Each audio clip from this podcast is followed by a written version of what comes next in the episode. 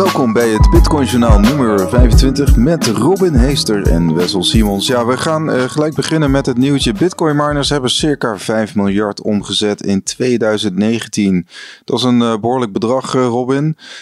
verder het grootste deel van het bedrag zijn de zogenaamde block rewards. Dat is natuurlijk op zich ook wel logisch. Uh, men krijgt nu nog 12,5 BTC per uh, gemined uh, blok. over een aantal maanden zal dat 6,25 zijn. Ehm, maar goed, goede, goede tijden voor, voor de miners. Hè? Ook vanwege die stijgende Bitcoin-prijs krijgen ze natuurlijk veel meer omzet in het laadje. Ja, je kan het al zien aan de eerdere metrics natuurlijk, zoals de hash rate die gewoon record na record breekt. Waardoor de moeilijkheid omhoog gaat en de strijd verder losbarst. En uh, ja, het is gewoon een winstgevende business. Als je uh, zaakjes goed op orde hebt en je hebt een zak met geld, dan kun je in principe uh, op verschillende plekken in de wereld winstgevend bitcoin minen. En ja, 5 miljard aan Amerikaanse dollars hebben ze binnengehengeld afgelopen jaar. Dat is ja. best een goede industrie, denk ik. ja, vorig jaar, uh, of ik moet zeggen 2018, uh, eh, lag het aantal op 5,26 miljard. En 2017 op 3,19 miljard. Dus 2018 was nog een beter jaar. En um, 2019 doet daar bijna niet voor onder. Het, het, aandeel fees is natuurlijk wel laag. en dat kan natuurlijk misschien op termijn een probleem worden voor sommigen. Hè, van of hoe zie jij dat, zeg maar, naarmate uh, die rewards natuurlijk om de vier jaar uh, gehalveerd worden? Uh, moet het netwerk gaan draaien op fees? hoe, hoe, sta jij daarin, ja, kijk, Robin? Voorlopig komen er dus om de 10 minuten nu nog 12,5 bitcoin, straks 6,25 vrij. Ongeveer om de 10 minuten. maar alles hangt er eigenlijk gewoon af van die bitcoinprijs natuurlijk. Zolang de bitcoinprijs ervoor zorgt dat het minen rendabel blijft, dan is, het, uh, ja, dan is er toch niks aan de hand. En mocht het zo zijn dat het minder rendabel wordt, dan past het netwerk zich ook aan met de moeilijkheid. Dus het is niet zo dat als er nu uh, miners stoppen omdat ze niet meer winstgevend zijn straks in mei, dat dan het netwerk in elkaar dondert. Sterker nog, dan biedt misschien weer kansen voor anderen, want dan wordt het weer relatief iets makkelijker om je Bitcoin miners weer winstgevend te krijgen. Voor degenen die het nog wel blijven doen. En tegelijkertijd, ik denk wel dat het een uh, belangrijk punt is. Uh, want op termijn moet inderdaad het grootste gedeelte van de opbrengsten uit die uh, transacties komen. En dat, ja, um, ik denk dat dat gewoon, dan moeten we gaan zien hoe dat uitpakt, ligt aan de markt. Bitcoin is een open markt en als wij als gebruikers uh, het veel willen gebruiken, dan gaan we meer transactiekosten betalen op de basislaag. Zo simpel is het. Ja. Ja, goed. Eh, het is heel lastig om in de toekomst te kijken. Wat, wat in ieder geval vaststaat zijn die, die helvenings. Hè, om, de, om de vier jaar dat uh, in ieder geval die rewards die gaan dan in de periode 2020-2024 naar uh, 6,25 bitcoin. En het is even kijken hoe, hoe de markt erop reageert en hoe de prijs erop reageert. Hè? Want vaak de, bij de vorige twee helvenings, het zijn er weliswaar maar twee zagen we het jaar erop wel een behoorlijke prijsstijging uh, uh, uh, na de helving. Maar goed, we, we gaan het allemaal meemaken. Um, de ontwikkelingen natuurlijk bij het Lightning-netwerk staan ook niet helemaal stil. Dan maken we gelijk een bruggetje naar uh, het tweede onderwerp. Het gaat over Square Crypto. Square is ook een bedrijf van Jack Dorsey. Jack Dorsey is natuurlijk bekend van Twitter. Uh, maar Square, uh, Square Crypto is zeg maar het, eh, het, het crypto afdeling van, van Square, wat zeg maar een betaalprovider is. ze investeren in developers, Bitcoin developers. en ze komen dus nu met een nieuwe toolkit voor Lightning developers. Lightning is zeg maar de secundaire laag op Bitcoin. Eigenlijk bedoeld hè, om op te schalen om die betalingen sneller en goedkoper te maken. En er zijn steeds meer bedrijfjes die zich daar uh, op richten ook. Hè? Um, hoe, hoe, hoe zie je dit, Robin? Is, dit is het eerste product hè, van Square Crypto? Ja, wat, wat Square wil doen met Square Crypto is een bijdrage leveren, zo vertellen ze het zelf, aan het open source protocol van Bitcoin en Lightning. En nu met die Lightning Development Kit wordt dat inderdaad het eerste product wat ze echt gaan aanleveren. Ze ja, willen hiermee gewoon het ontwikkelen voor Lightning voor ontwikkelaars makkelijker maken.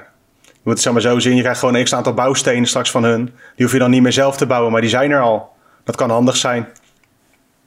En ja, wat het eigenlijk doet is uh, laten zien van als bedrijf Square heeft de Cash App. Die verkopen ze ook Bitcoin.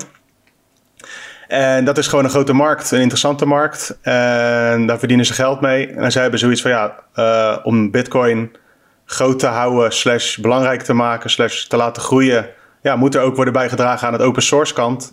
En dat doen ze met Square Crypto. Ik vind dat een heel goed, uh, ja, een mooi initiatief in ieder geval. Moeten nog zien uh, wat er precies in die Lightning Development Kit gaat zitten en hoeveel mensen het gaan gebruiken. Maar het is in ieder geval een leuke start, denk ik. Ja, het is ook een handreiking naar de zogenaamde wallet-ontwikkelaars. Er zijn natuurlijk toch inmiddels tientallen Bitcoin-wallets op de markt.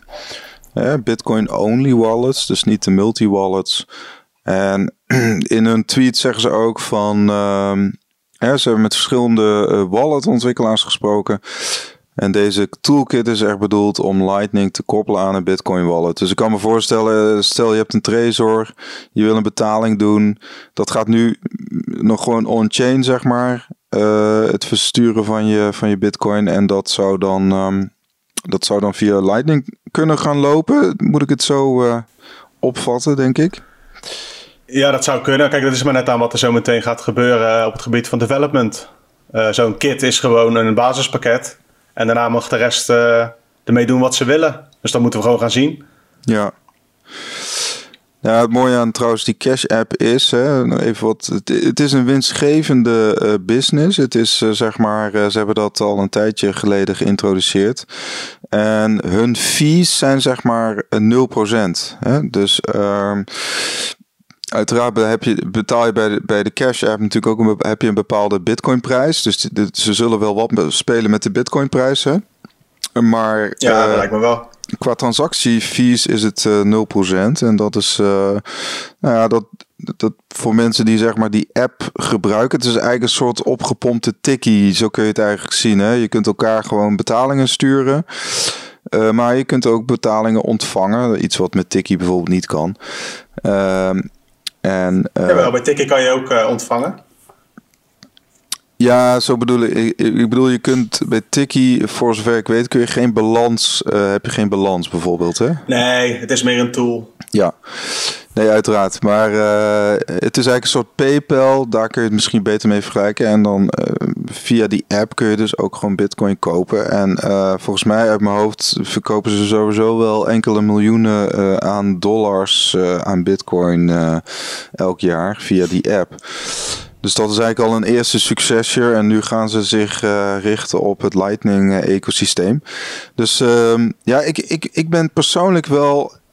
Ik weet niet, ik ben persoonlijk wel bullish op al die bedrijfjes die met Lightning bezig zijn. Ik, ik, ik zie dat gewoon voor me gebeuren. Ik zie daar steeds meer kapitaal en geld naartoe gaan. Dat, uh, en talent.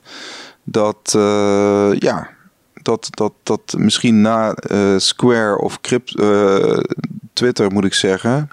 Um, dat concern, zeg maar, dat, dat het niet het enige Silicon Valley bedrijf is wat, uh, wat zich op deze markt gaat richten. Maar dat, blijft natuurlijk een beetje speculoos. Nou, ik denk dat voorlopig mensen, of partijen als Facebook en zo daar geen interesse in hebben, omdat die eigen plannetjes hebben die gaan niet hun eventuele positie opgeven aan een open source project wat Bitcoin is. Ik denk dat ze dat pas gaan doen echt last minute als het niet anders kan, zeg maar. Als ze verloren zouden hebben. Ja, precies, precies. Nou ja, we gaan het zien. Hè. Je hebt ook nog gewoon bedrijven, een beetje de, de ouderwetse bedrijven, zoals uh, Microsoft bijvoorbeeld. Hè. Meer tech, techbedrijven ook. Uh, nou ja, we, we, gaan het zien wat, uh, wat, uh, wat het gaat brengen. Laten we even een stapje maken uh, naar Jack Dorsey. Want die heeft ook een belangrijk patent in ieder geval verkregen. Om in ieder geval betalingen met, tussen fiat geld en crypto mogelijk te maken. Ja, het is eigenlijk een logische stap met Cash App in het achterhoofd. Het patent geeft eigenlijk recht in Amerika om Square betalingen te laten verwerken met, tegen elke valuta voor, een, voor Bitcoin of een cryptomunt. Dus in de praktijk betekent dat dat ik jou in, uh, in Bitcoin kan betalen. En dat jij dan tegen de Cash App, of in ieder geval tegen Square zegt: Ik wil graag uitbetaald krijgen in uh, de euro. En dan wordt dat real-time geregeld, zeg maar, door Square. Oké, cool. Dus ja, kijk, dat is een patent. En ik denk dat dat iets op de achtergrond is dat voor de Cash App, denk ik, interessant. Lijkt me een logische stap. En ja, in Amerika zijn ze nou eenmaal flink van de patenten. En dit is eigenlijk de andere kant van wat we net bespraken. Je hebt Square Crypto, die richt zich op de open source kant. Maar aan de andere kant heb je dus de Cash App van Square, waar gewoon het geld verdiend moet worden. En daar hebben ze dus gewoon te maken met patenten en uh, geen open source netwerk of geen open source code, moet ik zeggen. Ja. Daar oh. proberen ze gewoon keiharde kanaken te verdienen. Um, ja, inderdaad. Het is in ieder geval heel interessant waar uh, Square uh, dan mee bezig is. Uh, het blijft natuurlijk een beetje speculoos om dat te koppelen aan Twitter. Hè. Het zijn in principe gewoon twee aparte bedrijven. Twitter heeft natuurlijk volgens mij bijna 300 miljoen gebruikers wereldwijd. wordt ook veel gebruikt natuurlijk in de Bitcoin community om, om ideeën met elkaar uit te wisselen. Of veel te discussiëren. uh, maar goed, in ieder geval de Cash App, uh, wat toch voornamelijk een Amerikaanse aangelegenheid voorlopig is, uh, die is zich wel verder aan het ontwikkelen richting ook misschien betalen met, met Bitcoin. Even kijken. Uh, wij gaan verder. Eigenlijk ook wel ja, bekende uh, Amerikaan Peter Schiff is een, uh, een goldbug, een goud-expert, goudbelegger.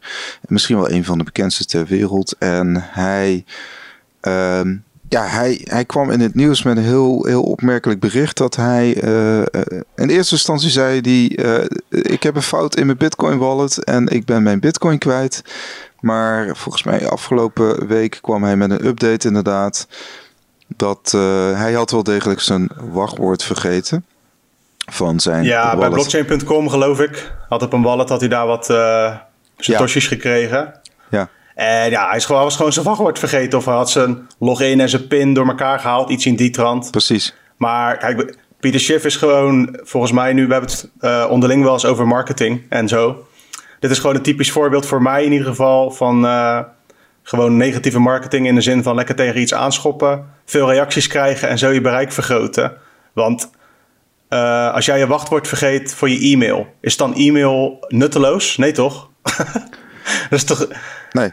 Ja, ik, uh, ik heb bij Pieter Schiff echt zoiets. Volgens mij doet hij er nu ook een beetje om. Hij, zijn merk is nu natuurlijk ook anti-Bitcoin, hoe dan ook.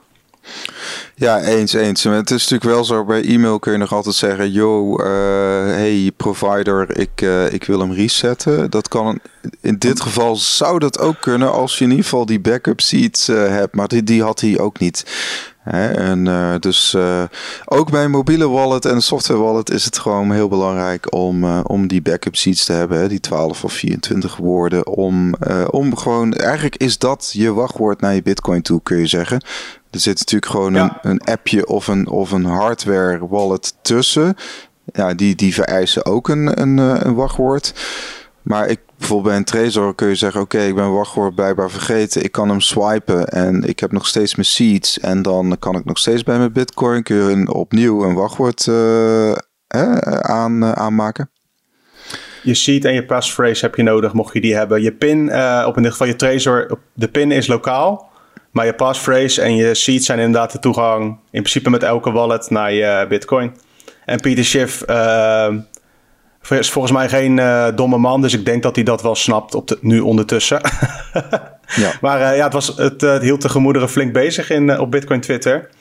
En ja, het is ook wel weer leuk, want er komen veel reacties op. En eigenlijk ook ja, veel memes en veel ja. gekkigheid. Ik kan er altijd wel om lachen, maar ik, ja, ik, zag, ik zag het niet als een groot probleem... dat Pieter Schiff zijn wachtwoordje bij blockchain.com vergeten was. Nee, er zit zeker een soort uh, uh, hype en effectbejag bij natuurlijk. En, ja. En, en, en ik bedoel, hij blijft zich natuurlijk roeren in die Bitcoin community. En dat, dat, dat is op zich ook wel. het is zijn eigenlijk manieren om. Kijk, daar gaat het soms in andere chats ook wel over. Het gaat een beetje over immuniteit. Hè? De immuniteit van de Bitcoin community. En je hebt ook gewoon aanvallers nodig of uh, kritische, kritische uh, nodig om, om die immuniteit een soort van te, te testen. Van, uh... Ja, maar um, dat is zo, zeker. Het is, ook, het is ook niet erg toch om kritiek te hebben op Bitcoin. Je kan er van alles op aanmerken. Maar um, als jij uh, met een punt komt van... hey, ik ben mijn wachtwoord vergeten en daarom is Bitcoin vervelend of niet goed... dat klopt natuurlijk niet. Kijk, als je met echte argumenten komt, dan kun je een discussie hebben. Maar dit was eigenlijk meer um, een fout bij hemzelf. En dat is waar Bitcoin wel voor staat natuurlijk. Van je moet zelfredzaam zijn in de zin van... je moet je eigen zaakjes op orde hebben. Ja, ja er was een goede opmerking in, uh, in onze chat. Uh, dat, dat iemand zei: Nou, kijk, hij was natuurlijk door Eric Voorhees voorgelicht. Hè? Dus die had gezegd: Joh, je kunt zo, je kunt zo die wallet installeren. En iemand zei terecht: van ja, eigenlijk, Schiff is een beginneling. Dus je zou hem eigenlijk ook gewoon moeten uitleggen dat hij die, die, die, die seeds gewoon opschrijft. En dat, en dat, en dat is nagelaten. En, en, in die zin kun je ook zeggen, nou ja, goed, dat, dat hij heeft ook niet de, niet de complete voorlichting gehad. Ja, hè, dat hij, nou ja, dat hij het vervolgens helemaal op Twitter, uh, zeg maar, een soort van, van gebruikt of, of uitbuit. Dat, dat is vers 2. Maar uh, nou, ik vond dat wel een goed punt. Ja, behalve dat het uh, je eigen verantwoordelijkheid is. Kijk, iemand die kan jou voorlichten, maar je bent zelf verantwoordelijk voor of je genoeg informatie verzamelt om in dit geval in Bitcoin te investeren. Dat is niet de taak van Erik Voorhees om dat te doen. Hij doet het wel.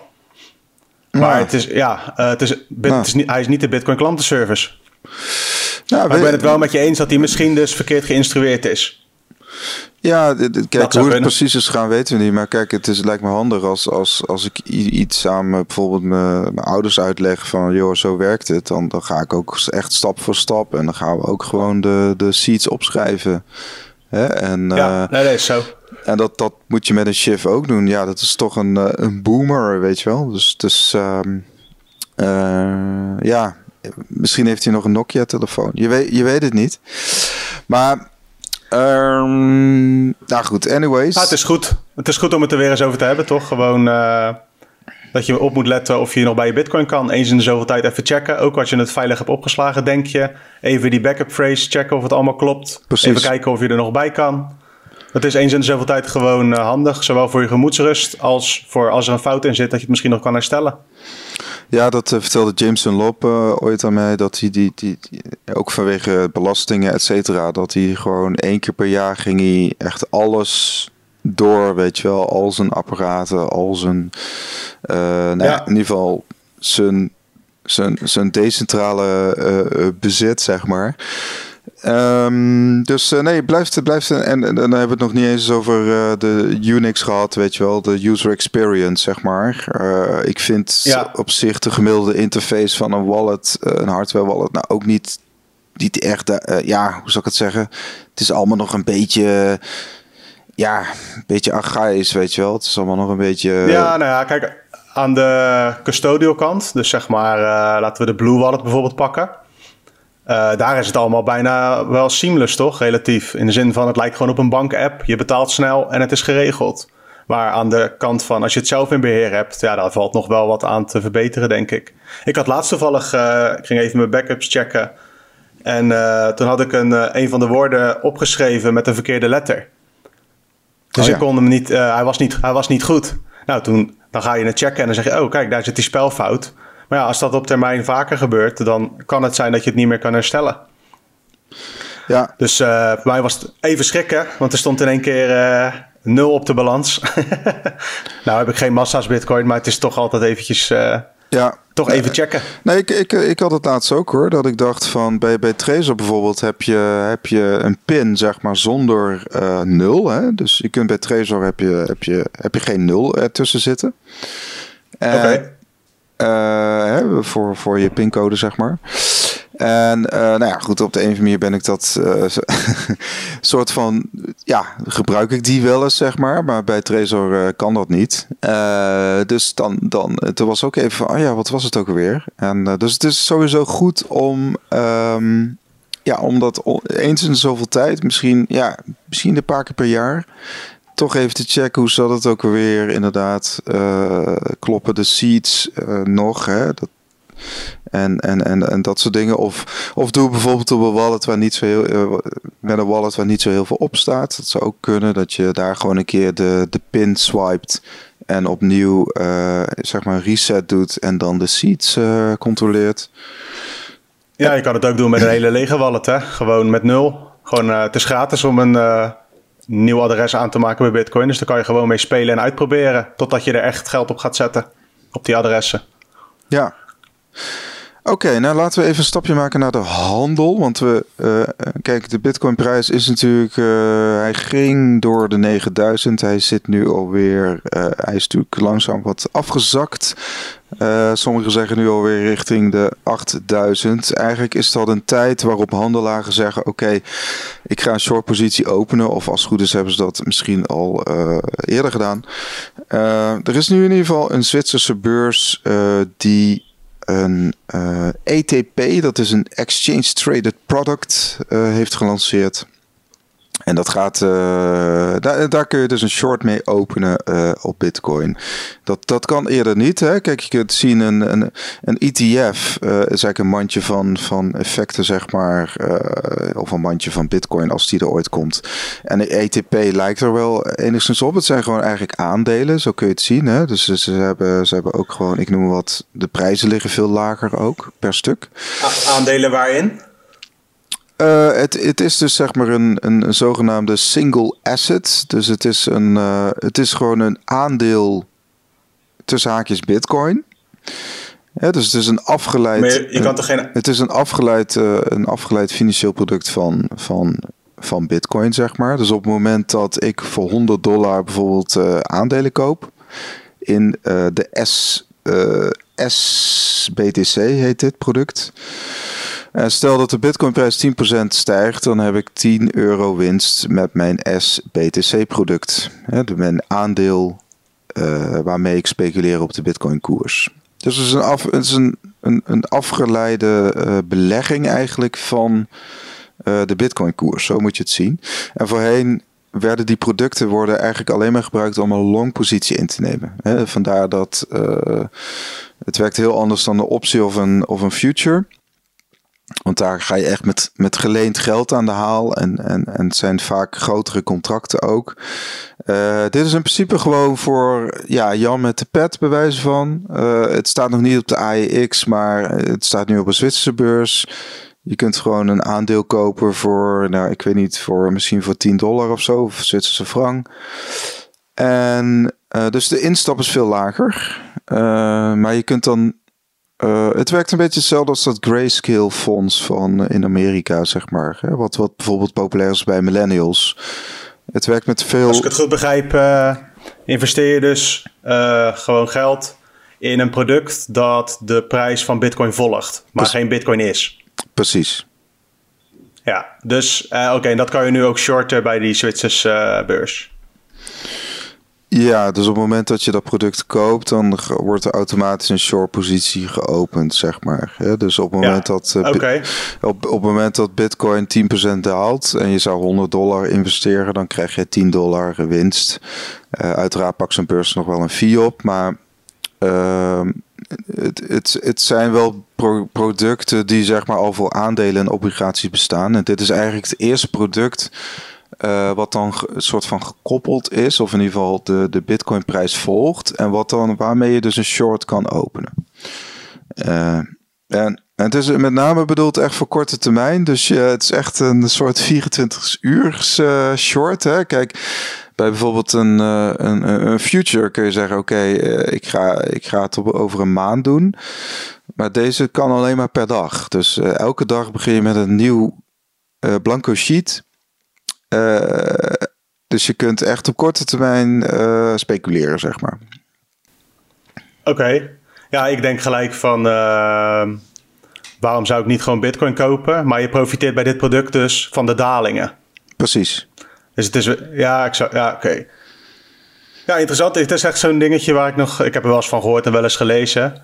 en ik denk ja, dat het wel logisch is dat de traditionelere producten... ook hun weg proberen te vinden naar de bitcoin-markt. Want ja speculatie is een groot uh, aspect van de markt. En ik kan me voorstellen dat hier wel uh, interesse in is. Niet voor mij hoor, ik, uh, ik ga hier niet aan. nee, dat is typisch een handels, uh, handelsproduct. Maar goed, een, een groot deel van de, van de Bitcoin-markt zijn ook gewoon handelaren. Uh, en niet alleen hodlers. dus, en deze club uit Zwitserland heeft ook al een licentie bij de Zweedse beurswaakhond. En Zweden is onderdeel van de Europese Unie. Dus deze ja, de Zwitserse partij, Amun, die kunnen ook bij wijze van bij, in Nederland aankloppen voor, uh, voor dit product. Um, dus, uh, nou ja, weet je, het is vooral voor de traditionele markt. Is, zijn dit van die kleine, ja, hoe noem je dat, kleine winstjes, zeg maar. Een soort legitimiteit dat met, met, met Bitcoin, wat ook een asset is natuurlijk, niet alleen een, een, een niet alleen nieuw soort geld, maar ook uh, niet alleen een protocol, maar ook een asset voor die traditionele wereld zijn dit juist pluspunten, dat je ermee kan speculeren. voor ons misschien niet, maar voor, voor handelaren wel. Want eh, die willen er geld aan verdienen. Ja, nou, je krijgt weer een extra groep die uh, gebaat is dan bij een uh, bitcoin-daling. In de zin van, als jij, die, als jij zo'n product hier hebt gekocht, dan ben je niet gebaat bij een hogere bitcoinprijs. Nee, precies. Dus dit, kijk, dit, dit is nog geen massaal product. Dus is altijd even de vraag hoe, eh, hoe, zich, hoe zich dat uh, uitpakt. Uh, maar... Ja, het zal niet gelijk grote invloed hebben op de prijs. Het is meer gewoon. Ja, dit is heel, een heel ander soort iets. Wat, een hele ander soort actie dan wat je doet als je Bitcoin koopt. Eigenlijk het compleet tegenovergestelde. Eén, je koopt geen Bitcoin. En twee, je, gaat, je wil dat de prijs zakt. Ja, het is een beetje het verschil tussen misschien uh, high time, low time preference, waar we het ook wel eens over hebben gehad. En dan inderdaad dat, dat de hodlers, dat zijn natuurlijk echt lange termijn investeerders. En je kunt zeggen handelaren, heel generaliserend gezegd, gaat echt voor korte termijn effect. Ja. En dat, is, dat is gewoon wel een dynamiek die speelt in deze markt natuurlijk. Dat speelt natuurlijk ook met name ook met alternatieve munten, altcoins. Uh, waar, waarbij het natuurlijk ook heel erg over om het korte termijn effect gaat. En ja, ik vind juist zo mooi aan bitcoin dat je juist voor de lange termijn uh, investeert. Net zoals goud, weet je wel. Uh, ja. Echt als een, als een, als een, als een hedge ten opzichte van de, de ongedekte fiat-wereld. Ja, nou wat, je, wat je bij Bitcoin wil, als je het hebt over uh, high en low time preference, je wil, tenminste dat zal ik voor mezelf spreken, ik wil graag wat ik nu koop meenemen qua koopkracht naar vijf jaar. En ik denk dat Bitcoin daar voor mij op dit moment een, uh, de beste optie voor is. En dat zijn dus niet pro financiële producten waarmee ik short kan gaan. maar ik, ik, snap, ik snap waarom er eventueel interesse is in de handelsmarkt. Die snap ik. Ja, dat is misschien als, als, als, als jij of hè, als bitcoiner moet dat uh, misschien ook uh, ja, een soort van accepteren. Dat, dat is nou eenmaal wat er gebeurt met, zo'n met, met iets als bitcoin. Omdat het is zo, zo zeg maar, allesomvattend iets wat nog gewoon... Ik laat ook in de chat over. Het is nog helemaal niet uh, echt te beseffen wat het eigenlijk is. in de zin het is een beetje filosoferend, maar we meten nu de waarde af in bitcoin in dollar, zeg maar. Maar ja, eigenlijk is, is bitcoin natuurlijk een hedge ten opzichte van de dollar. Dus uh, op de Ja, maar het is het, uh, de term en de waarde die we begrijpen. Zeg maar, je kan ook zeggen van uh, een bitcoin is nu, weet ik veel, 5000 broden. Maar ja, dat, is, dat werkt ook niet echt lekker. Je moet iets gebruiken om het tegen af te zetten. Ja, 500.000 avocado's. Maar, ja, nou, was, was het maar zo. Die avocados zijn bijna duurder dan een bitcoin. ja, nee, oké. maar ik wil maar zeggen, kijk, de, idealiter, maar dat is misschien ideal, uh, idealistisch gedacht. heb, heb je een soort bitcoin-ecosysteem waarbij je uiteindelijk meer in satjes gaat betalen dan in, in ongedekt fiat geld. Hè? En, en waarbij dus... Ja, dat is ook wel langzaam aan, aan de gang. Nee, weet, weet ik, maar waarbij je dus wel bitcoin als, uh, als, het, een, als de dominante geldsysteem, uh, geldmiddel hebt in, in dat ecosysteem. Ja, ja dat, is, dat kan ook nog niet omdat de waarde nog zo fluctueert. Omdat er nog relatief veel uh, nieuwe bitcoin op de markt komen natuurlijk, elke 10 minuten ongeveer. Ja. Straks als het, uh, het, is het in de jaren 30 geloof ik, dan is er straks 99% van de bitcoin gemined. Ja, dan komt er een stuk minder influx in de markt. En dan zou je misschien na kunnen denken over een Bitcoin als de standaard valuta ook om hoe dingen uitlegt qua prijs. Maar voorlopig is dat niet aan de orde, ook omdat die, ja, de prijs wisselt gewoon nogal. Ja, ja eens, eens. Nee, dus het, inderdaad, dat, dat, zeg maar de toekomst al, van Bitcoin als betaalmiddel, als unit of exchange, dat, dat, dat, is, dat is in de verre toekomst. Maar inderdaad, als we kijken naar het protocol en we kijken naar het aantal termijnen bitcoins, dan is inderdaad over 14 jaar, meen ik, iets van 99% gemined. 2034. Ja. 34. Uh, ja, dan ben, jij, dan ben je iets van 40 jaar, uh, Robin. Ja, ben ik net zo als jij nu, uh, oude bok. ja, precies. Goed. nou, laten we hier maar mee afsluiten. Um, yes. Ik zou zeggen, hodl on. we krijgen soms ook wel de nodige vragen in de chat van ja, moet ik nu kopen of, of, of, of morgen bewijzen van.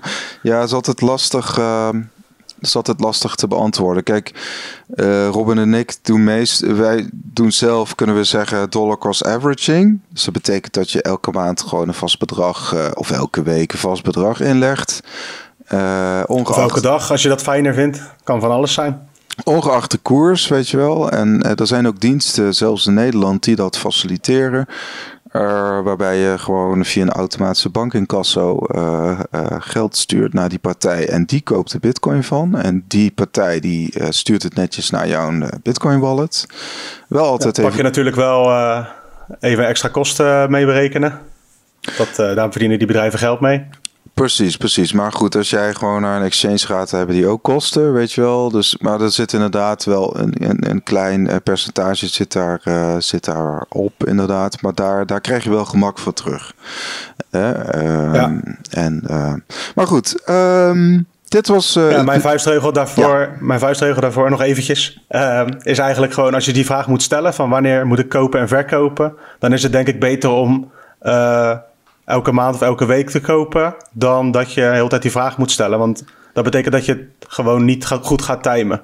Alleen mensen die dat, dat het antwoord zelf kunnen vinden, die hebben daar misschien wat aan.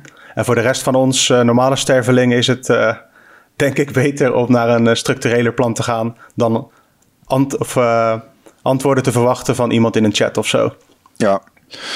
Ja, en in principe als de koers daalt, is dat, kan het ook wel juist positief zijn. Hè? Want omdat via dollar cost averaging ga je dan op een lagere uh, prijs ook inkopen. Natuurlijk kun je altijd ervoor kiezen om te zeggen, nou, dit geld kan ik echt missen. Hè? Uh, hier wil ik soort van mee speculeren. Dan kun je natuurlijk, mocht bitcoin nog verder dalen, bijvoorbeeld onder, onder bepaald niveau, dan, uh, dan, dan kun je eventueel wat extra's inleggen. Maar ja, de DCA is gewoon wel een bewezen uh, methode, ook in de, ja, gewoon in andere, bij andere assets. Dus uh, dit, dat, uh, dat is Maar het is geen financieel advies. Iedereen moet lekker zelf weten wat hij, wat hij doet. Wij Zeker. geven slechts een mening. Klopt, geen financieel advies. Ook niet op bitcoinmagazine.nl, waar we elke dag nieuws en ook technische analyses geven over Bitcoin. Uh, ja, eigenlijk de belangrijkste uitvinding van de afgelopen uh, tijd. Uh, Robin, dankjewel voor je tijd. Yes. En, tot de volgende keer. Ja, later. Hoi hoi.